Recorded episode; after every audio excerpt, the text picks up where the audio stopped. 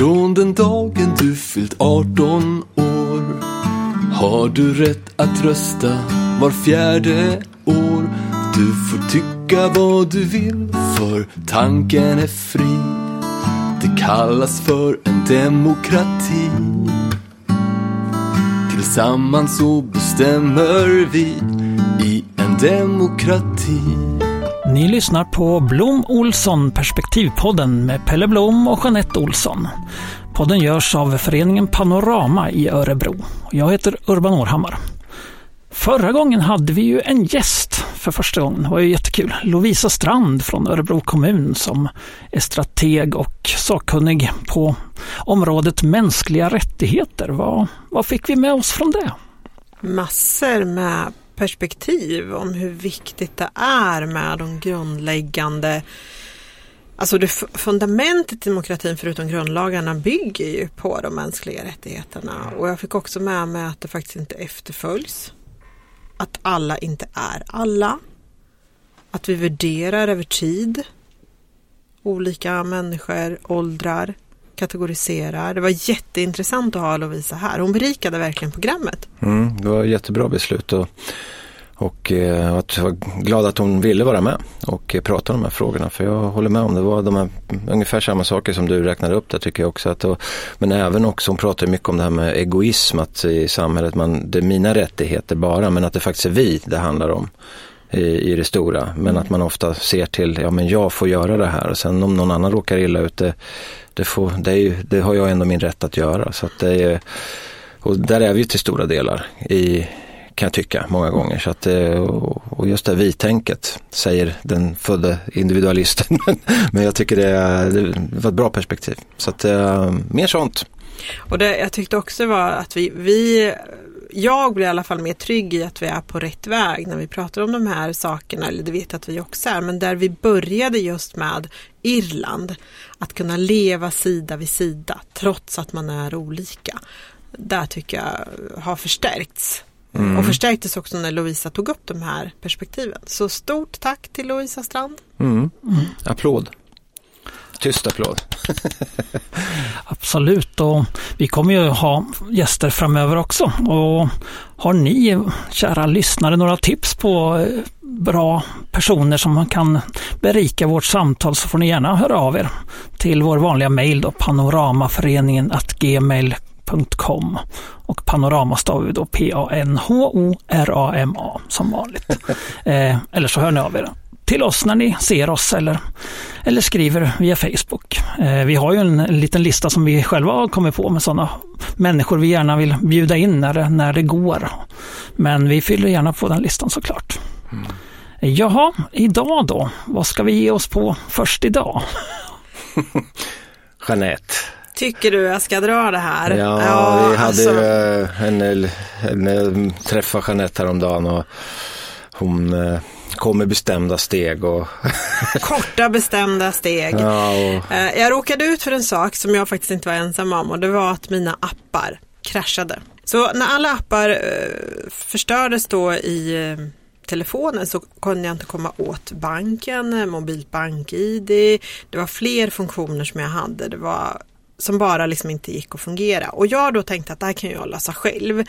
Eftersom jag är så otroligt tekniskt begåvad så avinstallerar jag allting och så skulle jag installera allting. Och då förstod man att konsekvenserna till exempel av att avinstallera ett bank-id går inte att installera om för då måste man gå in på bankens hemsida och där kommer man inte in utan ett bank-id. Och då var det helt plötsligt låst till att ta kontakt med banken, vilket jag, jag är inte den stabilaste bankkunden för oftast så klarar jag mig själv och min upplevelse är att de vill ju egentligen inte ha mig så mycket där. De har ju inga kontor och de har öppet när jag jobbar och det är liksom inte sådär jättevänligt utan jag ska ju sköta allt det här själv. Men jag löser det och det visade sig att problemet var ju globalt så det var inte jag med mina appar utan det var ju fler som hade samma bekymmer. Så dagen efter så går jag upp då fem i tio eh, till banken och tänker att nu, det här går ju undan. Jag ska ha en massa saker som jag ska uträtta innan, innan liksom dagen är slut. Men när jag kommer dit så kommer jag precis innanför första dörren. så är det liksom en kö in till nästa dörr och sen är det en kö upp i en trapp och alla håller avstånd. Eh, så där står jag då och tänker och tittar mig omkring och där står det människor som då måste uträtta sina bank ärenden som inte kanske klarade det digitalt. Det var många äldre, det var många personer med utländsk bakgrund, eh, det var personer som hade andra bekymmer, människor som egentligen behöver ha bankens hjälp. Det var de som stod där. Och så fanns det då fler än jag som hade kraschade appar så vi var tvungna att ha en, en dosa. När jag väl kommer upp för denna trapp, och då har jag stått där kanske en halvtimme, 40 minuter, så står det en Securitasvakt där. Jättefin ung människa som gör det han ska göra och det är att släppa in max åtta personer i lokalen. Och då undrar jag, är det då åtta kasser som är öppna eftersom det är åtta personer som får vistas där? Men det visste han inte utan jag fick komma in efter mycket om och men och då fick jag en ny lapp att sitta och vänta på tills jag då fick komma in och få den här hjälpen till att få en ny bankdosa. När jag gjorde det här så var jag tvungen att uppvisa körkort och det förstår jag, man är tvungen att legitimera sig. Men den var tvungen att, att köras i någon liten apparat för att säkerställa att det var jag och så ringdes det ett samtal för att verkligen säkerställa att det inte skulle vara spärrat. Eller någonting annat, jag vet inte vad det skulle kunna vara för fel på det. Och sen skulle det identifieras med QR QR-koder. Jag fick ju lära mig så mycket nytt. Och så hjälpte hon mig då att få till det här. Och min känsla utav det här var att Tänk den dagen det här inte fungerar. Vad gör jag då? Jag var helt begränsad i, jag kunde inte ta kontakt med sjukvård, jag kunde inte boka gympass, jag kunde inte gå in på banken. Jag kunde inte göra någonting utan det här. Och hade jag då inte haft tid att gå in på banken så hade jag inte kunnat hantera min vardag. För det finns ju inga kontanter att prata om egentligen. Det är ju inga som tar emot det, jag skulle inte kunna handla. Du kunde inte lösa ut Olsson? Nej, det var ju det! Det var ju det som, jag kom ju för sent till vårat möte. Alltså jag hade ju lämnat in Olsson till frissan. Som en hund kan vi... Ja, just Inte mannen utan hund. Olsson var ju hos Sussie och skulle klippas och trimmas och fixas och där skulle jag ju swisha och det gick ju inte. Så han fick ju klippa sig på krita. Fatta liksom om man inte har en relation till frisören. Så han kunde inte lösas ut. Tänk om min hund hade fått vara kvar där. Ja. Nej, men det var, det var sårbart och jag tyckte det var jättejobbigt. Och sen se också klasskillnaden. Vilka är det som är VIP-kunder hos banken och vilka är det som är helt i en beroendeställning. Mm. Och sen visade det sig när jag kom in att det var ju massor med folk som hade det här problemet just med apparna och Eh, att man var tvungen att byta bankdoser. Så det här, tänk den dagen vi men, inte har någon el. Ja, men det är, det är två delar i det. Alltså, den ena delen är ju att allting kraschar och vad, hur sårbar är man inte då som du säger. Alltså det, man blir utestängd ifrån i princip allting. Du kan inte göra någonting i det här läget. För du kan inte, inte identifiera det. Det mesta är ju liksom kopplat till bank-id numera. Både alltså allting som har med sådana här statliga banker och allt vad fasken det är. Så är det, och andra saker också, betalningsgrejer. Mm. Så det är, ju, det, är ju, det är ju faktiskt riktigt, riktigt illa någonstans där. Men sen också de här som du sig med klasskillnaderna och eh, som jag reagerar lite på det, man står där i den här kön och nästan på nåder, ja, du får komma in på banken här nu men du får vänta, det står en vakt, även om man är snäll och ung och fin och vad det nu är, så är det trots allt en vakt som står där och ska hålla koll på de här grejerna. Eh, och då tänker jag då att jag pratade med en person här för någon vecka sedan, om man nu ska tänka på perspektiv då, som eh, också håller på med bank. Men som eh, åt andra hållet har eh, utav olika anledningar fått en del pengar som eh, sitter på kontot numera, en husförsäljning. Eh, och eh, den här personen har, har inte, det är, ingen som har varit liksom prioriterad kund tidigare. Förvisso ett litet företag men eh, inga, liksom, inga personliga jättestora eh, summor som man, liksom, man kan spara till höger och vänster. Plötsligt nu när de här pengarna sitter på kontot så börjar det nog naturligtvis dyka upp. Det är telefonsamtal och det är mail och det är, ja men inte ska, ska vi inte prata lite här. Och, och det är klart, det kan man ju se å ena sidan att ja, ja, det är onödigt att det sitter pengar på ett konto som kanske inte ger så mycket. Men du vet, direkt blir man då en sorts gräddfilsperson och prioriterad och säkerligen kommer den här personen hamna i någon sorts, eh, ja, vad heter det, motorväg in till en person som man kan ringa när som helst och få en personlig service till. Då. Så att det, det blir apropå det här, de som står då i den där kön mm. och så den här personen då som i sin tur då bara tjup rätt in. Vill vi ha det så egentligen? Eh, det är ju verkligen, bankerna ser väl förluster där och vinster där. Och... Det handlar om hur vi ser på människan mm. tänker jag. Då kommer vi tillbaka till det här med mänskliga rättigheter, att vi ska ha samma rättigheter och skyldigheter i det här. Jag kan ju liksom se när jag står där i den där kön så kan jag liksom se Berit, 80 år, som har jobbat och slitit hela sitt liv och har en pension. Hon är ingen jäkla VIP-kund för, kund för banken. Utan de tycker egentligen att hon är en börda. De ser till att hon inte kan ta ut pengar, hon kan inte hantera liksom räkningarna digitalt. Då får hon åka dit och få hjälp av det. Hon är helt i beroendeställning av dem. Och de vill inte ha kunder, framförallt de, inte de som är i beroendeställning. Så egentligen undrar jag, vad ska vi med bankerna till då? Jag betalar ju mina räkningar digitalt men jag betalar ju någon jäkla avgift för att ha eh, bankkort. Medan vissa har liksom en räkmacka, Pelle, fattar du? En räkmacka in till banken. Mm. Det kommer jag aldrig få. Och jag kommer bli så förbannad den dagen jag får det så kommer jag säga nej tack. Ja, nej, men, men... samtidigt som, som du säger, de här som inte kan gå in och betala sina räkningar digitalt får ju betala med en gammal...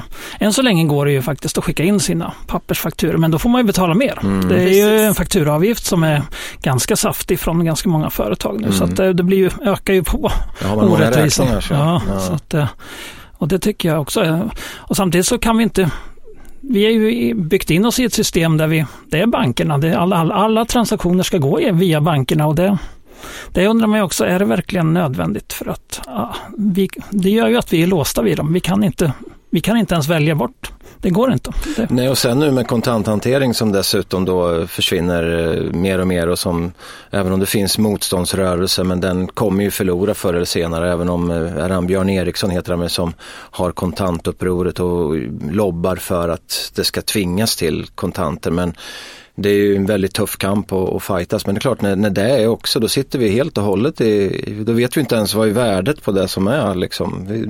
Man kan inte ens se det liksom. Man ser bara siffror och pinnar på olika ställen. Så att när allt det här, det, vi sitter verkligen i det och jag vet många gånger vi, man har suttit och käkat lunch och vi brukar prata om just de här grejerna. Vad, vad ska man göra annars om, med värdet? För det är så, förr kunde man säga om jag tar ut pengarna och sätter dem eller lägger dem i madrassen eller i något kassaskåp. Eller, men jag menar om inte kontanter går att använda då, då kan du inte ens göra det. Mm. Så vart ska du sätta de pengarna och försöker du lägga pengarna någon annanstans så allting kontrolleras och, och man ser varenda lilla flytt var, var de tar vägen någonstans. Så det är ju ah, det, det... Nu, nu, går jag lite igång för jag tänker så här, alltså bankerna är så otroligt misstänksamma mot oss. Att vi inte ska luras, de ska ha full koll på våra pengar och jag har till och med har fått någon sån här fråga från min bank där de, där de frågar mig om jag hade kontakter i USA och jag, jag kom inte förbi, jag var tvungen att svara på de där frågorna och jag vet att jag skrev världens brev till dem och bara jag vill inte svara på det här, nej jag har inte med det här att göra och då, då, jag kom inte förbi, jag kunde inte betala mina räkningar, jag kunde inte eh, komma åt mina konton om jag inte svarade på det. Och de största bovarna i det hela, det är ju bankerna själva. De är ju för fasen ute och gör i Ukraina och vart de nu är och, och fibblar och har sig. Och så får jag ut för det. Och så går staten in och räddar upp och betalar det. Jag blir skitförbannad på det. Sen kan jag också bli jätteirriterad för jag ser också så här, okej okay, om vi kommer få den här e-valutan som de pratar om. Det kommer göra att vi inte har kontanter. Hur ska då kriminella hitta på nya brott? Alltså vad händer då? Vad är det de ska liksom, hur, hur kommer brotten? De kommer ju bli mot den lilla människan då och ta värdesaker, bilar. Alltså brotten kommer ju förändras och nu säger inte jag att vi ska ha kontanter för då är det lättare för att begå brott. Det är inte det jag säger. Utan det är liksom att varje sak för med sig konsekvenser. Allt ifrån att elen försvinner till att kriminaliteten förvärras för folk är alltid desperata efter pengar. Jag tänker på nu när det inte finns kontanta medel så det här har jag bara hört ryktesvägen att då, tar man ju, då kan man ju göra personrån och ta mobiler eller värdesaker eller guldsmycken eller vad det är. Att det är det som ökar. Till och med bilstölder, alltså ute på gatan bilstölder har jag förstått eh, har börjat skett. Det är sånt som man har hört ja. för i utlandet. Mm. Eh, sen tror jag faktiskt till och med, men det här nu är man ju ute lite på djupt vatten för det har inte jag heller svart på vitt på papper men att eh, faktiskt att, eh, att kriminella går till alltså, rika familjer hem och eh, de som inte har då stängsel och, larm och att de går hem och, och knackar på dörren, alltså när de öppnar dörren så. Eh, men, eh, och det kommer det kom ju troligtvis, eh, alltså jag det är en säkerhetsexpert som har berättat de här sakerna för mig att de rika i Sverige är väldigt sårbara för att de kriminella har börjat gått på andra typer av brott som du mm. säger. För de ser det går inte att göra på de traditionella sätten. Och då blir det ju helt, helt annorlunda och det är alltid från barn som rånar barn mm. till, till det här du är inne på där. Så det, det, det får ju konsekvenser. Så säger alla också så här med, ja men så när kontanterna var så det var ju så stor rånrisk då. Så att, eh, ja, det var det ju, för då gick de in i, i de här butikerna. Men nu går de ju och gör rånerna på, eh, de liksom gör det på digitalt.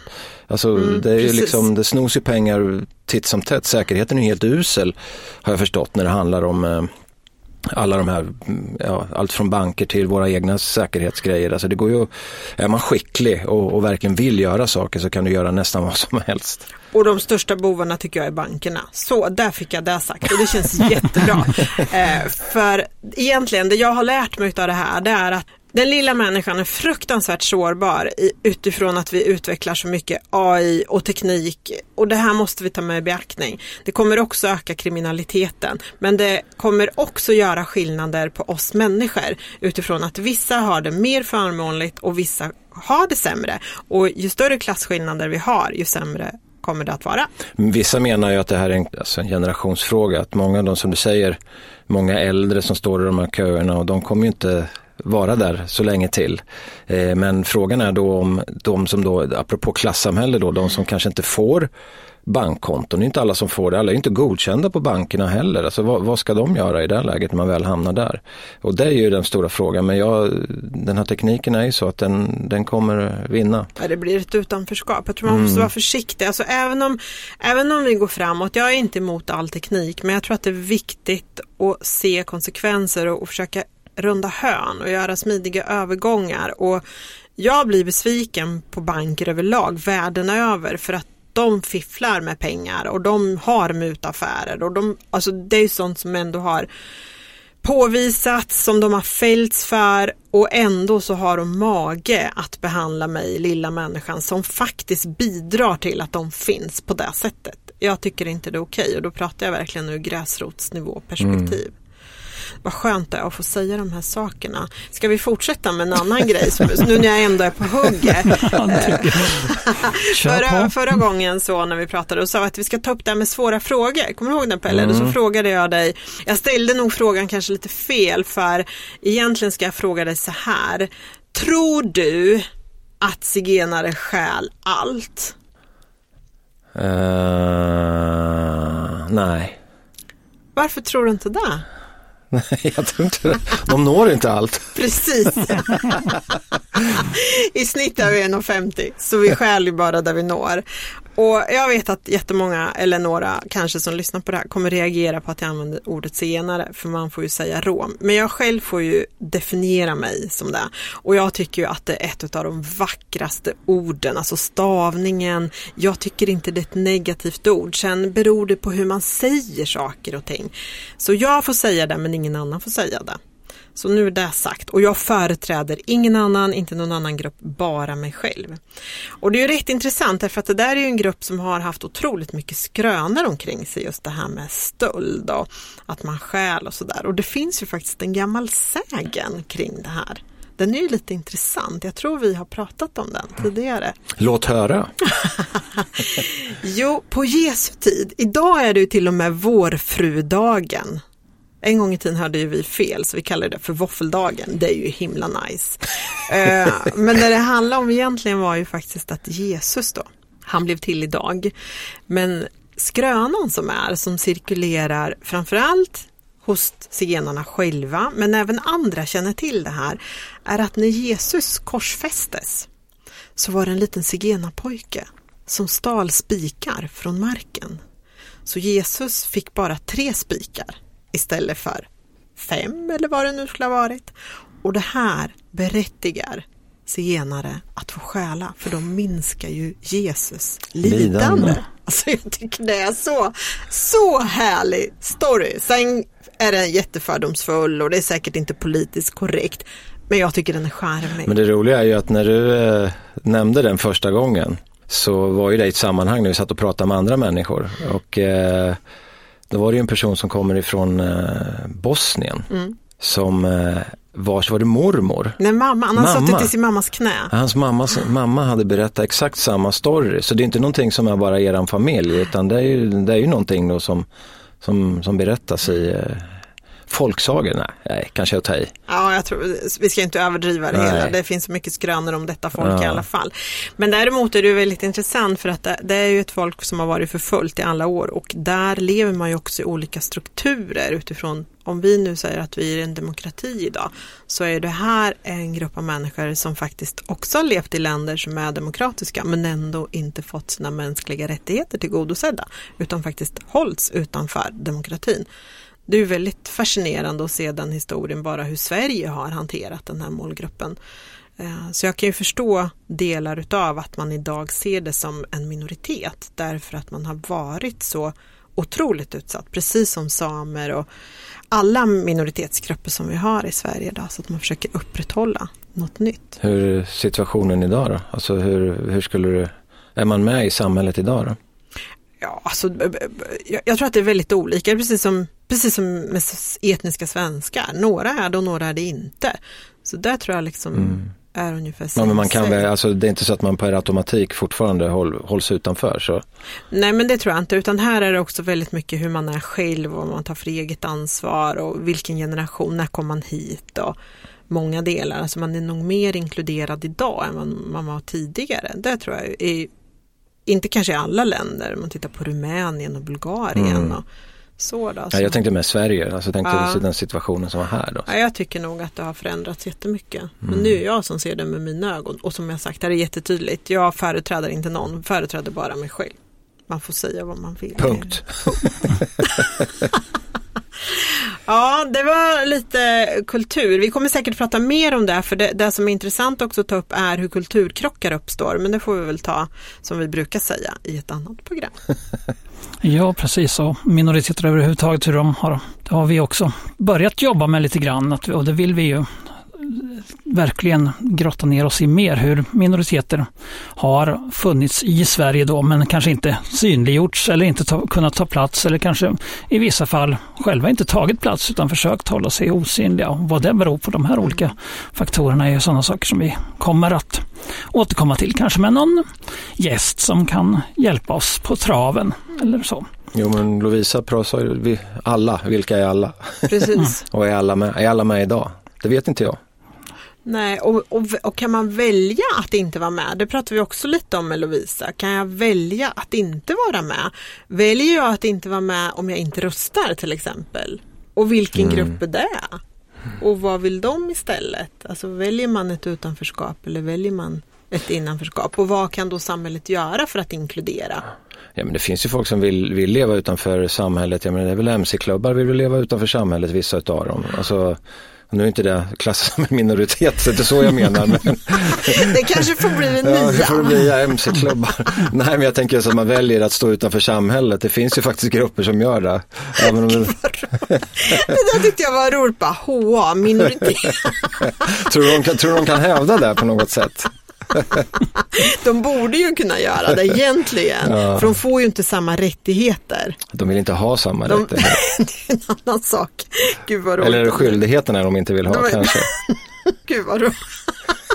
Men Där fanns ju också den här skrönan om det här, jag vet inte hur sann det var, det här när hjälmtvånget infördes för motorcyklar och att väldigt många i HA hade väldigt stora problem med mjäll eller vad det var för att Ja, man inte kunde det. ha hjälm för att det förvärrade och det, ja, jag vet inte var det ifrån. Fast det är ju rätt intressant, för så är det ju med lagar överlag. Alltså, jag är ju för att runda hörn, så är jag. Men det är ju utifrån den lilla människan. Alltså har vi någonting som är jättefyrkantigt och i det här ärendet, i den här situationen så måste vi liksom se att nu går du runda hörn. Men när, det- när det tillkommer lagar, vissa är ju nästan till för att man måste runda hörn. Och det tror jag de gjorde när de, det, jag ska fråga någon i HA, jag känner ingen men de kan ju skriva på panorama-mailen om hur det egentligen var. Det, jag menar egentligen att när man nu inte vill ha hjälm och det blir tvång på det och man gör det just för att den här gruppen ska göra, då hittar man på en sån här grej. Och då tänker jag så här, och det här är så typiskt för mig, svenskt.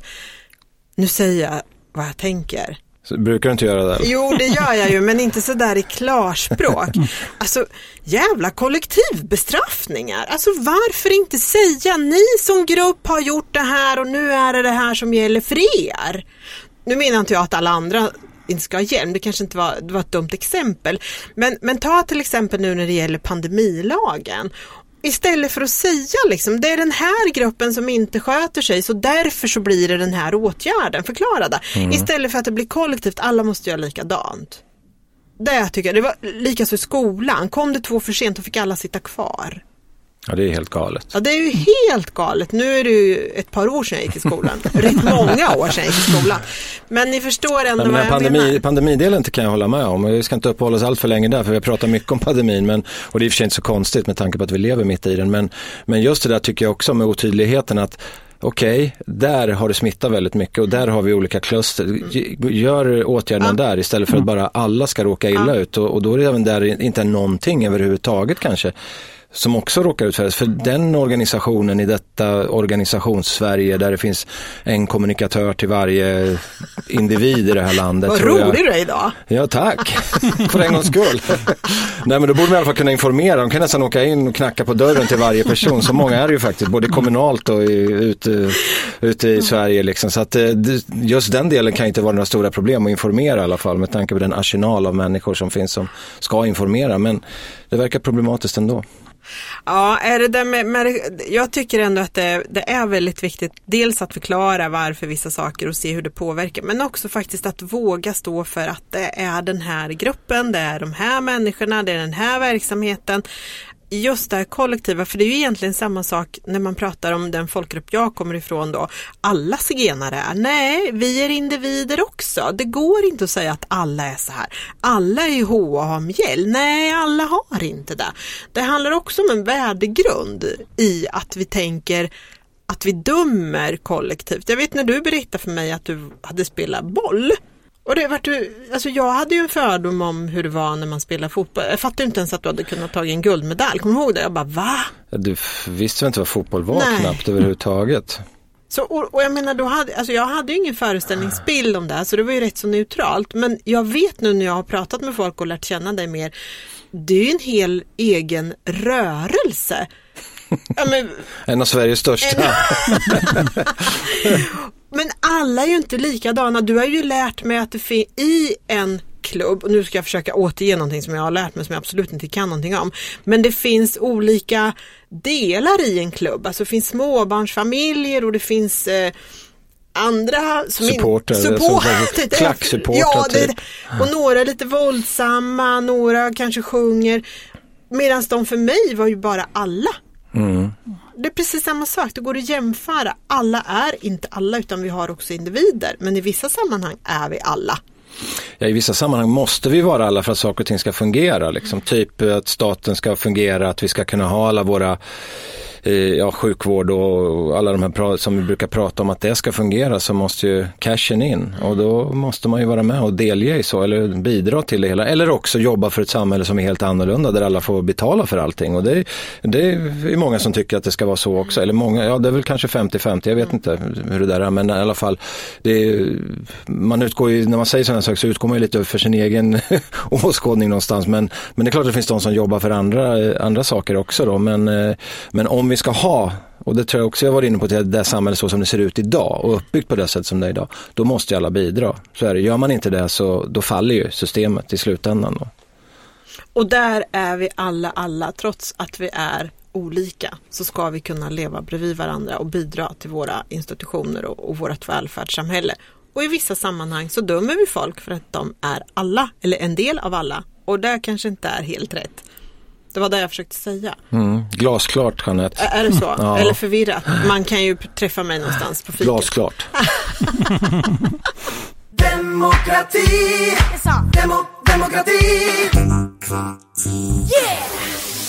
Ja, den där lilla trudelutten betyder att vi ska ta ett av de här korten som vi har pratat om. Det är alltså Forum för levande historia som har tagit fram eh, massa kort man kan diskutera om demokrati utifrån. Och jag har tagit fram ett kort utan att tala om för er i förväg vad det är för någonting. Eh, det anknyter lite till det här med vad som är alla tycker jag. Eh, jag fick ett tag på ett kort som egentligen skulle vara ett rollspel men jag tänker att vi nöjer oss med eh, den fråga som står i rubriken. Och då står det så här. Sänka rösträttsåldern till 16 år? Frågetecken. Ja eller nej? 16 år. Wow. Det där är intressant för att faktum är att vi alla tre, tror jag, lyssnade faktiskt på häromdagen en, eh, vad ska jag säga, webbinarium, heter det så? Ja.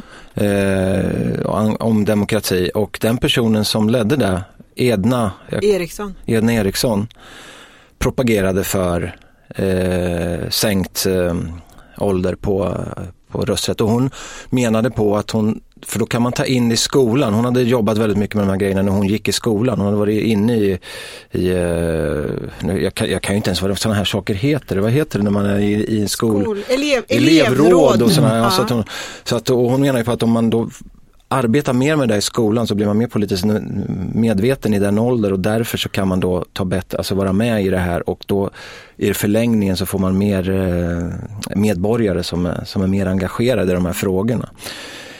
Jag är ju inte riktigt lika positiv, eller jag kanske inte lika, jag ser inte lika, jag har ju jättesvårt att se faktiskt att eh, man ska sänka det. Mm, fast jag tänker också att jag, jag, upplever att det är en annan medvetenhet hos yngre mot när jag själv var 16 år. Eh, alltså mer samhälls, man mer samhällsintresserad. Fler, jag upplever ändå att fler är det. Och, men det är väl klimatet. Jag menar klimatet har ju blivit en, och med rätta och förståeligt när man är ung. Ja, men även djur tycker jag, liksom, man engagerar ja. sig i djur och klimat och ekonomi och teknik. Och, och, och jag tänker skulle man jag, jag, kan inte säga ja eller nej till det utan jag tänker ur flera aspekter att skulle man liksom börja, faran är ju att man är väldigt påverkbar i den åldern så beroende på hur man marknadsför eller liksom försöker få ut sin politik så kan man ju faktiskt få med sig lättare i alla fall eller så är man lika korkad när man är 50. Alltså, jag, jag, nej, jag, jag, jag, om, om, man, om man kollar lite på ungdomsförbunden så mm. kan man säga direkt att vi inte ska sänka någon, någon ålder. För ungdomsförbunden kommer med den ena jävla korkade uttalet och den andra tycker jag många gånger. I och för sig ingår ju... Och där sänkte han hela. ja men ibland måste man vara lite så också. Men, det, men eh, förvisso är det deras uppgift lite att vara lite radikala. Det har jag förstått när man är i ungdomsförbundet. Man ska ligga på gränsen och trycka på vissa saker som man vill flytta framåt. Men, men jag tycker rätt ofta att det kommer saker som det inte kan inte vara genomtänkt. Nej, jag, jag tror absolut inte att man är mogen för att ta den typen av beslut. Jag tror, nu generaliserar, det finns ju alltid folk som är intresserade ja. av det. Men om, jag måste ta en generell tanke i det här och då menar jag att det är allt för få som är intresserade av politik i den åldern för att kunna ta den här typen av stora beslut. Och du var inne på det, påverkansbart. Jag vet ju själv man gick i, i högstadiet på 80-talet, då var ju alla moderater, för det var inne att vara moderat vid den tidpunkten då liksom. Men sen så plötsligt så gick det några år och så var hälften av moderaterna var sossar. Och så, alltså det är ju, det svänger det, det är det fränt att vara med. Mm. Eh, sen naturligtvis så finns det otroligt kloka ungdomar som verkligen är engagerade i olika frågor och vet väldigt mycket och som skulle kunna bidra en hel del.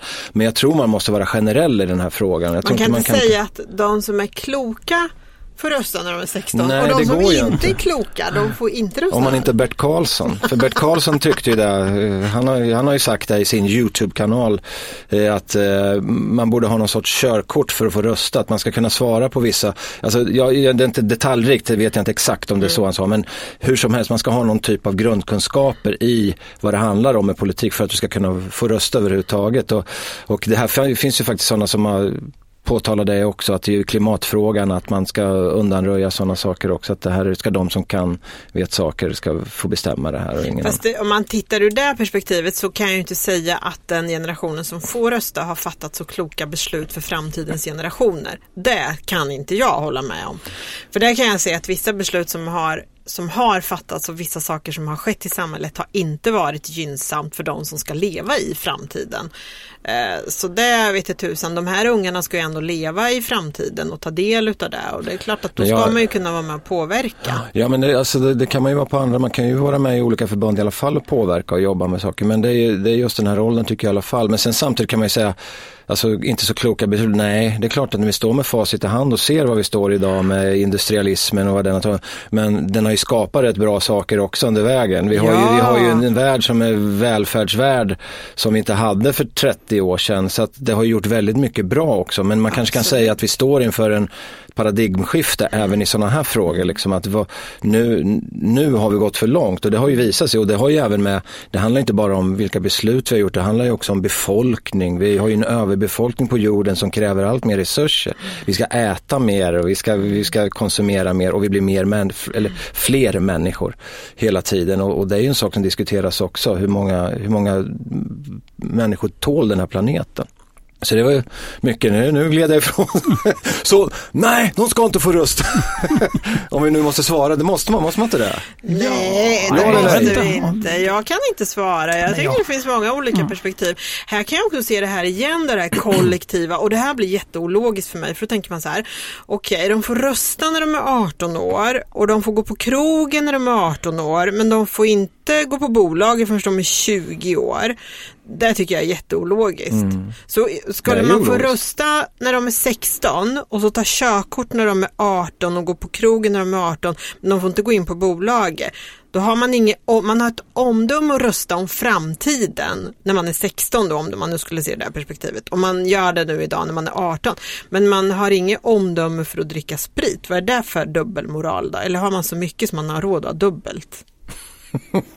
ja, men, Nej men nu får du ta det, alltså man har 16 år och ska få vara med och betala, eller? Nej men om du är 16 år och får rösta om framtiden, alltså då har du ett omdöme. Då bedömer man liksom, ja men du är så klok och du har så kunskap så du kan gott och väl rösta ja, ja, men, om men då framtiden. pratar du emot dig själv, alltså med vad du sa nyss. Nej, nej, lyssna nu på vad jag säger. Om det skulle vara så att de får rösta när de är 16 år, då får de rösta när de är 16. De får gå på krogen när de är 18, men de får inte gå på bolagen förrän de är 20. För de har inte omdömet att hantera spriten om de köper den själva. Det blir inte logiskt. Ja, men om, de då, om man då tänker sig att de får rösta när de är 16, då borde de ju få gå på bolaget också. Om Ja, man är i så fall. Ja, I Så så fall måste jag göra Ja, så. Det var därför jag menar ja. att du talar emot dig själv. För, att, för då, då ska man ju vara med hela kedjan i så. Då ska man ju vara mogen och göra hela de och bitarna. då kanske man inte, då behöver man inte ha tre olika spann. behöver man kanske inte vara 16, 18 och 20. Körkort 16 år? Ja det har de väl. De, du får väl åka någon sån här Ja, det- liten bil med någon ja, trekant på. 25 kilometer i timmen eller 30. Fast Ja, de det är- trimmar de ju alltid och åker i 55. Det är så Jag är ingen härligt. kategorisk alls. För Pelle är alla, alla. Nej, men jag håller med där att det, är ju, det blir ju ett helt paket. Nu är det ju också med det här med gängvåld och kriminalitet har man ju också diskuterat väldigt mycket att yngre personer ska dömas som vuxna. Men då kommer ju på andra sidan, ska man dömas som en vuxen då måste man ju också ha rättigheter som en vuxen och då kommer det ju in att ja, då, då får man ju ha i så fall ska man ju, tycker jag, att då ska man ju sänka. Jag har inget eh, svar på det här. Jag kan inte säga om jag, vad jag tycker heller, om jag tycker att man ska ta 16 eller så. Men, men man måste ju se som sagt hela paketet. att Kommer det med skyldigheter så borde det också komma rättigheter och, vice versa. Då, så att det, det, det är en svår fråga. Jag tror ju att kyrkan har väl infört 16 år på kyrkovalet. Nu är det Dels är det ju väldigt, inte alla är ju inte med eftersom det bara är de som är medlemmar i Svenska kyrkan som får rösta och det brukar vara ganska lågt valdeltagande. Men jag vet faktiskt inte riktigt hur deras erfarenheter av att ha 16-åringar med har varit. Det vore ju ganska intressant att ta del av. Fast när du, alltså jag tycker det är jätteklokt att du lägger in där just det här med rättigheter och skyldigheter. Jag har aldrig förstått varför yngre människor får lägre straff fast de begår lika grova brott. Det har, jag aldrig, det har jag aldrig förstått. Det kanske någon kan förklara för mig någon gång. För det, för det är ju helt ologiskt för mig. Rent juridiskt kan inte jag förklara det för det har jag ingen aning om. Men, men jag antar man ser dem som barn och, och då eh, på något sätt så ska de väl kanske ha möjligheten att kunna ta sig tillbaka till samhället på, på ett annat sätt. Det är liksom någon sort man gör där och så ska man, de ska ju ändå, straffet är ju ändå till för att du ska komma tillbaka och vara en, en fullvärdig med, Fast där måste medborgare ju någonstans risken längre vara fram. ändå att de som är äldre utnyttjar de som är yngre att begå brott för att Ja men det gör de ju, det är därför de Det är diskuterar de här frågorna. Ja. För det är ju alla de här med knark och grejer, de, det, är, det är aldrig några straff. De som är vuxna springer inte omkring med de grejerna. Mm. Utan det är ju yngre som de, som de gör. Det är väl även med grövre brott, som med skjutningar och grejer. Det är väl barn mm. också som, som gör de här grejerna. Men okej, okay, men med andra ord så på frågan så var det bara jag som eh, inte, ni har perspektiv och jag säger nej. Så har vi ett svar i alla fall. Precis. Vad härligt. Det är så skönt att vi kan vara olika och ändå inte slå ihjäl varandra. ja, det känns ju jättebra när vi står här i den här lokalen för det skulle vara lite jobbigt faktiskt med, det finns få flyktvägar härifrån. Så. och du står längst in Pelle, vi är närmare dörren här. Så att vi... Ha, Urban, vad har vi pratat om idag? Oj, ja, vi har pratat om mycket. Vi har pratat om romer får jag säga då, för jag tillhör Precis. inte gruppen så jag får inte säga det andra Politiskt ordet. korrekt. Mm. Och vi har pratat om, ja vi har ju återknutit lite till det här med mänskliga rättigheter som Lovisa var här förra gången och berättade om. Så ni får gärna lyssna på det avsnittet också såklart igen. Avsnitt 10 var det, det här blir 11 då. Eh, och så tog vi upp lite grann det här, ja, men det här med banken, banken alltså den här sårbarheten väldigt, ja. med all teknik. Hur vi, hur vi, Skillnaderna och ja. bovarna som banken, de största bovarna. Precis. Rickard har sagt igen.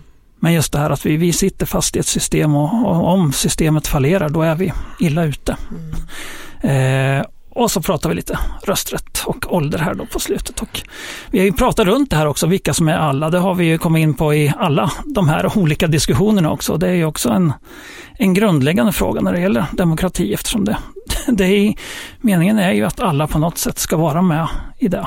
Men ja, är det så? Det får vi återkomma till. Ja, det är, det är, man kan ju kort säga att alla är ju inte alla och vissa vill inte vara all, med alla heller. Så det, är väl, det är både de som inte får vara med och sådana som inte vill vara med. Och det visar banken väldigt tydligt. Punkt. Från den dagen du fyllt 18 år har du rätt att rösta var fjärde år. Du får tycka vad du vill för tanken är fri. Det kallas för en demokrati. Tillsammans så bestämmer vi i en demokrati. Ni har lyssnat till Blom Olsson Perspektivpodden med Pelle Blom och Jeanette Olsson. Jag heter Urban Århammar. Vignettmusiken var som vanligt Tobias Svärds demokratimelodi från Små sånger för stora hjärtan. Vi skickar ett tack till vår sponsor Hive i Örebro och ljudtekniker som vanligt Thomas TK Karlsson.